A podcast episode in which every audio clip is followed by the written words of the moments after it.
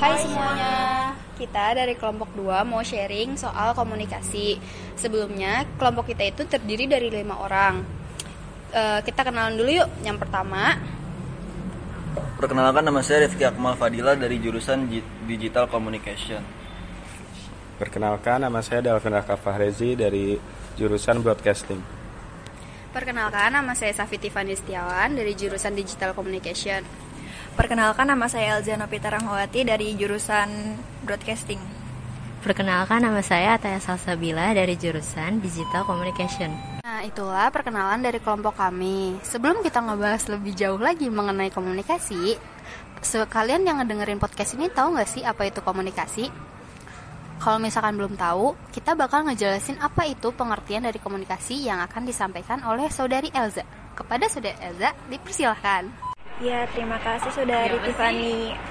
Selanjutnya saya Elza. Saya akan menjelaskan pengertian dari komunikasi. Dalam hidup bermasyarakat, pastilah kita akan melakukan sebuah komunikasi. Hal ini menjadi dasar kehidupan untuk menjalin sebuah hubungan dengan orang lain. Apa sih pengertian komunikasi secara umum? Hmm, pengertian komunikasi secara umum itu ialah aktivitas yang berfungsi untuk menyampaikan suatu informasi, baik berbentuk pesan, sebuah ide atau gagasan yang diberikan dari satu pihak ke pihak lainnya. Komunikasi dilakukan baik secara verbal maupun lisan. Hal ini bertujuan untuk memudahkan antara kedua belah pihak untuk saling mengerti. Selanjutnya kita akan membahas mengenai tujuan komunikasi yang akan disampaikan oleh Caca. Terima kasih kepada saudari Elza yang telah menjelaskan pengertian dari komunikasi. Selanjutnya, saya Ataya Salsabila yang biasa dipanggil Caca akan menjelaskan tujuan dari komunikasi. Jadi komunikasi itu bertujuan untuk mendalami dan mengajarkan sesuatu kepada individu dan atau kelompok. Contohnya, seperti seorang dosen yang sedang mengajarkan materi kepada mahasiswa. Selain itu, Komunikasi juga bertujuan sebagai bentuk interaksi guna mengurangi ketegangan atau mencairkan suasana. Misalnya seperti ketika ada pertikaian atau perselisihan pendapat dalam rapat tertentu. Komunikasi juga bertujuan sebagai hiburan.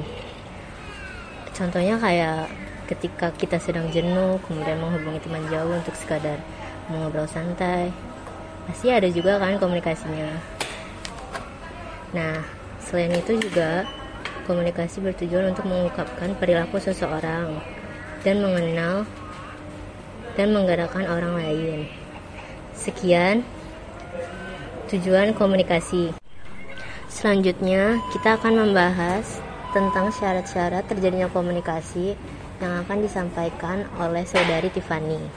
Terima kasih kepada saudari Caca. Selanjutnya, saya Tiffany ingin menjelaskan syarat-syarat terjadinya komunikasi. Yang pertama, harus ada sumber atau source untuk disampaikan. Jadi, informasi yang mau kita sampaikan itu harus jelas sumbernya dari mana. Lalu, yang kedua, adanya komunikator sebagai pemberi pesan. Uh, kita kan nyampein pesan nih. Kayak misalkan saya nyampein informasi tentang pengulangan PSBB Nah, saya itu otomatis jadi komunikator atau pemberi pesannya. Lalu syarat yang ketiga adalah adanya komunikan sebagai penerima pesan. Komunikasi itu harus ada dari dua arah gitu kan. Jadi ada pemberi dan ada penerima. Nggak mungkin kita komunikasi satu arah doang.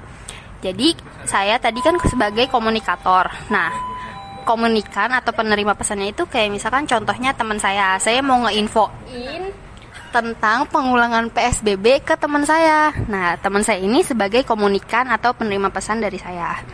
Lalu syarat yang keempat adalah adanya pesan yang disampaikan. Seperti yang tadi saya bilang, pesan yang ingin saya sampaikan itu adalah pengulangan PSBB. Nah, pengulangan PSBB ini adalah info atau pesan yang ingin saya sampaikan. Lalu syarat yang terakhir adalah adanya saluran atau efek tempat berlangsungnya proses komunikasi. Misalnya seperti saya ingin menyampaikan informasi ini ke teman saya itu di kafe. Nah itu tuh harus ada tempatnya. Kan nggak mungkin kita ngobrol atau nggak kita ngobrol lewat chat. Chat itu juga masuknya ke tempat berlangsungnya komunikasi itu terjadi kayak gitu. Contohnya kurang lebih.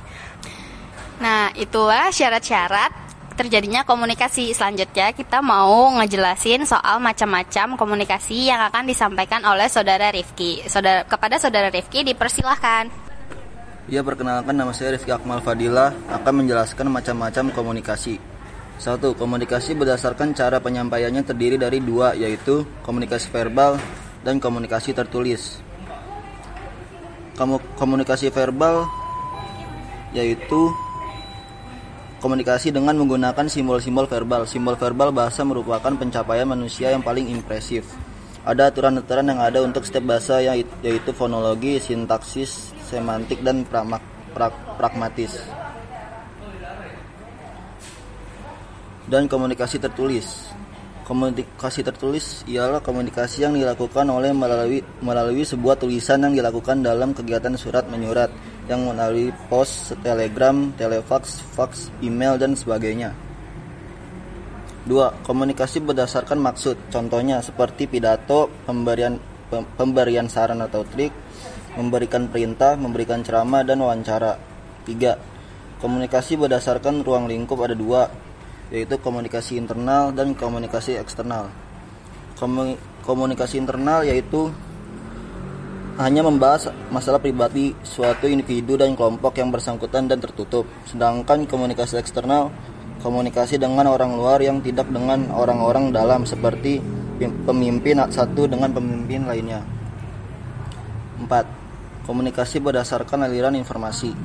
Sekian dari penjelasan dari saya, Saudara Rifka Amal Fadilah tentang macam-macam komunikasi dan akan dilanjutkan oleh saudara Davin. Oke, sekarang kita masuk ke bagian fungsi komunikasi. Fungsi komunikasi yang pertama yaitu sebagai alat kendali. Komunikasi berfungsi sebagai alat untuk mengendalikan dan mengontrol emosi pada diri. Jadi, fungsi komunikasi di sini bertujuan untuk mengontrol individu atau kelompok dengan cara membuat aturan yang harus dipatuhi dan ditaati. Yang kedua, sebagai alat motivasi. Komunikasi sebenarnya bersifat persuasif. Oleh karena itu, tujuan dari sebuah komunikasi adalah untuk meningkatkan sebuah dorongan atau motivasi kepada seseorang untuk melakukan sesuatu kegiatan yang bersifat positif. Jadi, komunikasi bertujuan untuk menyampaikan informasi kepada individu atau kelompok untuk diraih dalam kehidupan untuk memotivasi seseorang Selanjutnya, sebagai ungkapan emosional. Fungsi komunikasi selanjutnya adalah sebagai ungkapan emosional. Maksudnya, komunikasi sebagai ungkapan adalah sebuah perasaan yang ada pada diri seseorang yang akan diungkapkan kepada orang lain dengan cara berkomunikasi secara langsung.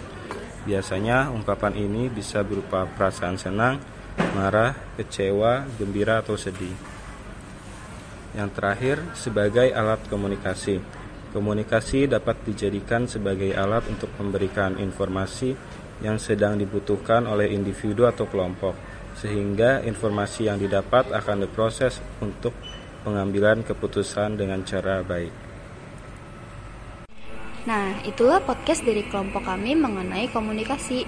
Dari podcast kita ini, kita jadi tahu apa itu arti komunikasi yang sebenarnya dan apa aja sih tujuan komunikasi serta fungsi-fungsi komunikasi. Dari yang udah dijelasin tadi, kita jadi tahu kalau komunikasi itu fungsinya bukan cuma untuk berkomunikasi antara satu dengan yang lain, tapi banyak banget fungsinya. Bisa dalam kehidupan sehari-hari, tapi juga bisa di dalam kayak perusahaan gitu. Terus jenis-jenisnya macam-macamnya juga ada banyak, nggak cuma satu terus syarat-syarat komunikasi juga. Ternyata ada lima nggak cuma dua atau satu. Nah sekian podcast dari kelompok kami. Kurang lebihnya mohon maaf. Sampai ketemu di podcast podcast selanjutnya. Terima kasih.